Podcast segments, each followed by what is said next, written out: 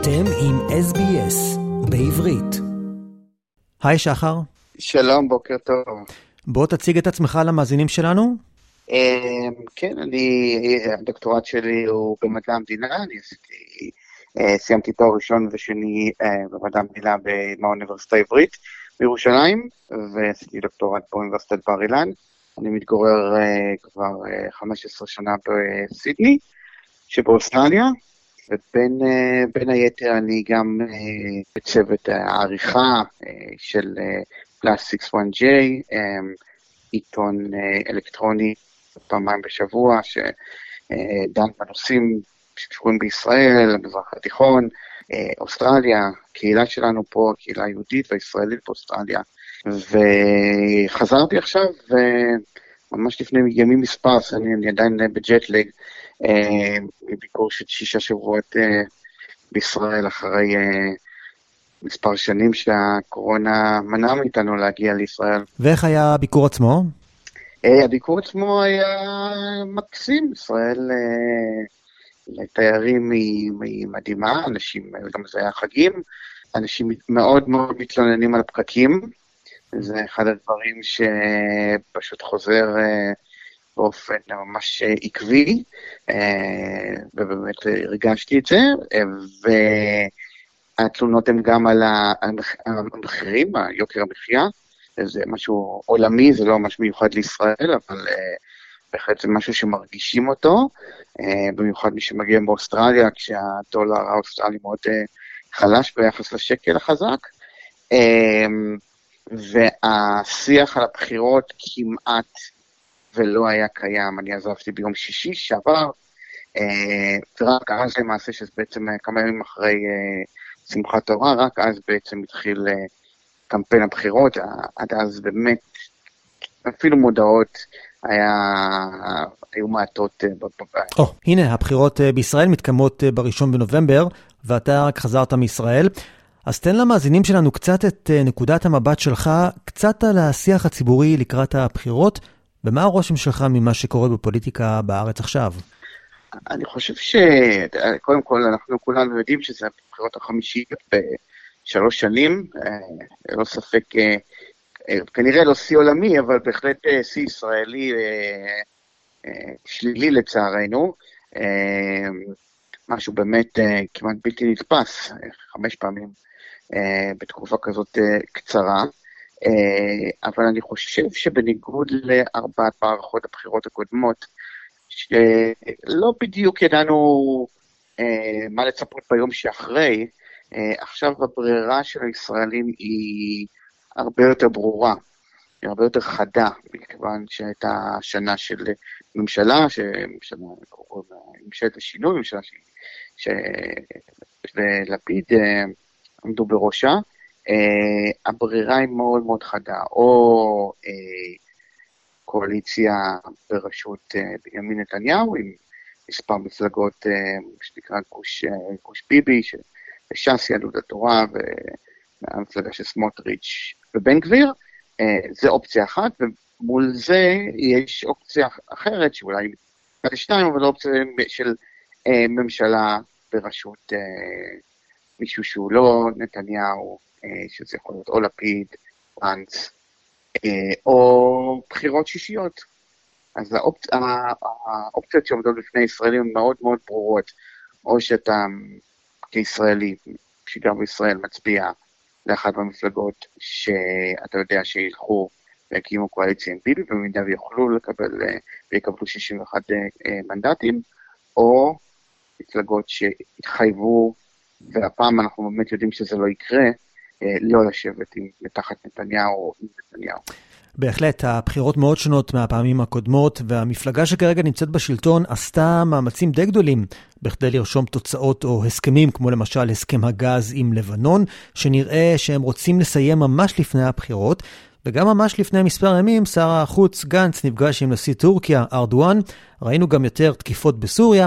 זאת אומרת שאנחנו רואים כאן בעצם צעדים רבים שהממשלה הנוכחית עושה בכדי להפגין כוח או לרצות את הבוחרים שלהם. האם אתה חושב שכל זה נעשה באופן תקין, ממש לפני הבחירות, והאם זה יכול להשפיע במידה מסוימת על הבוחר? אני חושב שזה באמת, באמת, זה, כמו דיברנו על הבדלים מארבעת מערכות הבחירות האחרונות, זה הבדל מאוד משמעותי, שבארבעת הבחירות האחרונות הוא היה ראש ממשלה, והוא זה שהכתיב את, את סדר היום הציבורי, והוא זה ששלט בכל הדברים האלה, אנחנו זוכרים מה הוא עשה, שחרור של נעמה מהכלא הרוסי בדיוק לפני הבחירות, וחתימה על הסכמי אברהם. אז זה הפריבילגיה שיש לראש ממשלה במערכת בחירות, שהוא, יש לו את היכולת ואת העוצמה אה, להכתיב במידה מסוימת סדר יום. ולפיד הוא בן אדם שהוא מאוד מוכשר, במיוחד בתחום התקשורת, ובהחלט מנצל את זה, וזה, אתה צודק לכל מה שציינת, אבל זה עוד גם התגובה האגרסיבית יחסית של ישראל ביהודה ושומרון כנגד הטרור הפלסטיני, ועוד כל מיני דברים, בהחלט ניסיון לקחת בעלות על הסדר היום הציבורי, אבל כשמסתכלים על הסקרים, בסופו של דבר אני חושב שאתה לא, לא רואים תזוזה בין הסקרים שפורסמו ביום בשישי, שהם בעצם הפעם האחרונה שמותר לפרסם סקרים לפני הבחירות, לבין סקרים שפורסמו לפני חודשיים, אה, שזה פחות או יותר תיקו בין, בין גושי 60 מול, מול 60. אה, אז אה, האם זה באמת השפיע? אנחנו נוכל לדעת רק כנראה במינימום ביום שלישי בעשר בלילה של ישראל. אבל האם אתה חושב שהאופן שבו הסכם הגז שנעשה עם לבנון הוא תקין, ממש לפני בחירות? זה באמת, הדברים האלה הם מאוד גבוליים, ואפשר להגיד אה, ש... איך אומרים? כשר אבל, כשר אבל מסריח, אה, במיוחד בעניין של אה, הסכם הגז. יש פה סיכון גם לאנשים שתומכים בממשלת השינוי, כמוני, שברגע שנותנים חופש לממשלה שהיא בעצם מספר ימים לפני בחירות, לחתום על הסכמים שיש להם משמעויות נרחבות. אז זה פותח פתח לכל מיני אה, דברים אחרים שממשלות אחרות יכולות לעשות.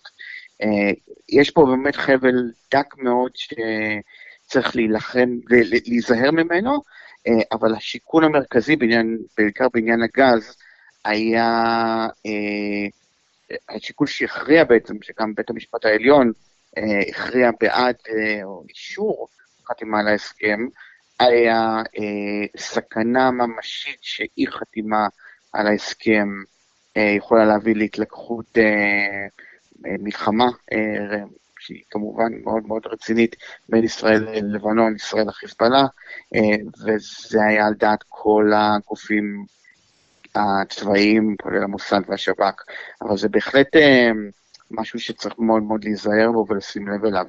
שחר, אתה מחבר הספר דמיון פוליטי בתפוצה, ובהקשר למה שאתה מזכיר בספר, האם הגורמים החשובים בקמפיין בחירות הם רציונליים, או שיותר קשורים לאמונה, אה, מסורת? מה לפי דעתך הנימוקים הכי חשובים בקמפיין בחירות?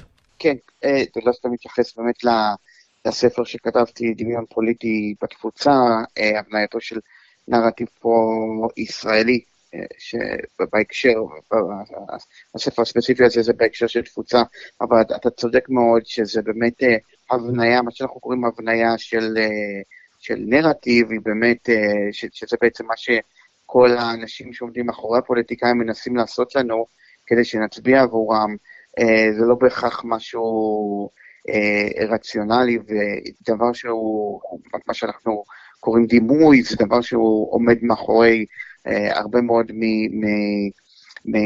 ממה שאנחנו מקבלים, אה, מקבלים כרגע אה, בקמפיינים ומהפוליטיקאים מהפוליטיקאים השונים. אני חושב שעוד פעם חוזרים טיפה ליום-יום ולמה שקורה ב- בישראל עכשיו, אז הדימו, אפשר לראות כמה דימויים חזקים אה, בעולם הזה כשבן אדם שהוא מצביע אה, ביבי, על, על איזה, איזה דימויים חזקים הוא מקבל, דימויים שקשורים לדוגמה אה, בקיפוח, אה, מה שאנחנו קוראים היום ישראל השנייה, שזה ממש ממש מפעיל את הרגש בצורה מאוד מאוד חזקה. בעצם אפשר להגיד שזה כמו משחק כדורגל, שאתה מצביע במערכת בחירות הזאת, שאתה או ביבי או נגד ביבי, או אתה מכבי או אתה פועל. הרבה מאוד באמת עובד על מה שנקרא דימוי, שאין לו בהכרח קשר עם המציאות. ואותו דבר עם, בקבוצה השנייה, בקבוצה של רק לא ביבי, על דרך ההיפוך, אנשים שחושבים על ביבי, חושבים על דברים מאוד מאוד אה, שליליים. ועל זה בעצם שני הקמפיינים מבססים את, ה, את, ה, את הקמפיין שלהם, על היכולת ליצור איזושהי תגובה רגשית חזקה, שתניע פעולה.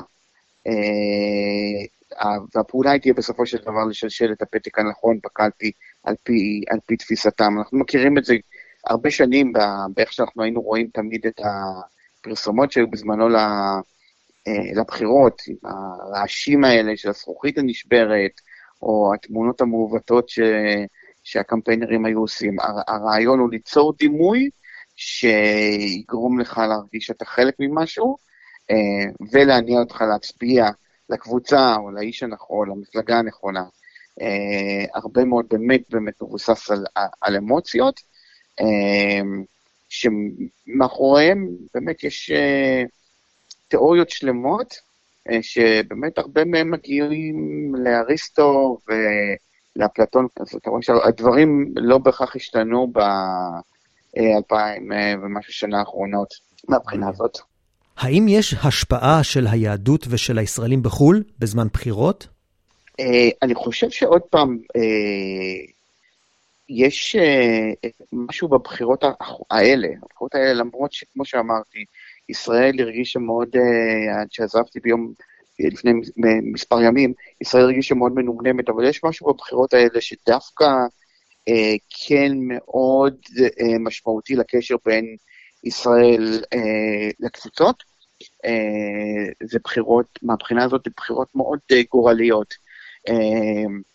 ה Australian Jewish News פרסם אה, היום, ביום שישי או יום חמישי, שיצאה מהדורה, מאמר מערכת מאוד אה, נוקב, והייתי אומר אפילו מפתיע, ביחס לאפשרות ש... איתמר בן גביר ובצלאל סמוטריץ' יתפסו תפקיד מרכזי בממשלה הבאה, אה, באמת תוך, אה, תוך אה, התייחסות להשפעה שתהיה למינויים כאלה על, על הקשר בין ישראל והתפוצות.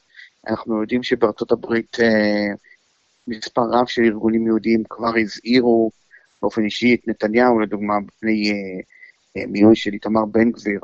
אה, לשר בכיר בממשלה, אה, אזהרות שבינתיים אה, נתניהו התעלם מהם, אני לא חושב שיש לו ברירה אחרת מבחינה אישית, אלא רק להתעלם מהם, אבל באמת אם תקום בישראל ממשלה שאיתמר בן גביר, שבעיני אמריקאים לפחות, את האוסטרלים, אבל אמריקאים, יהודים אמריקאים זה ממש קו אדום, יכול להיווצר שבר, הייתי אומר כמעט בלתי הפיך בין בין אה, ישראל אה, לתפוצה, במיוחד לתפוצה החזקה ביותר, שהיא כמובן התפוצה האמריקאית.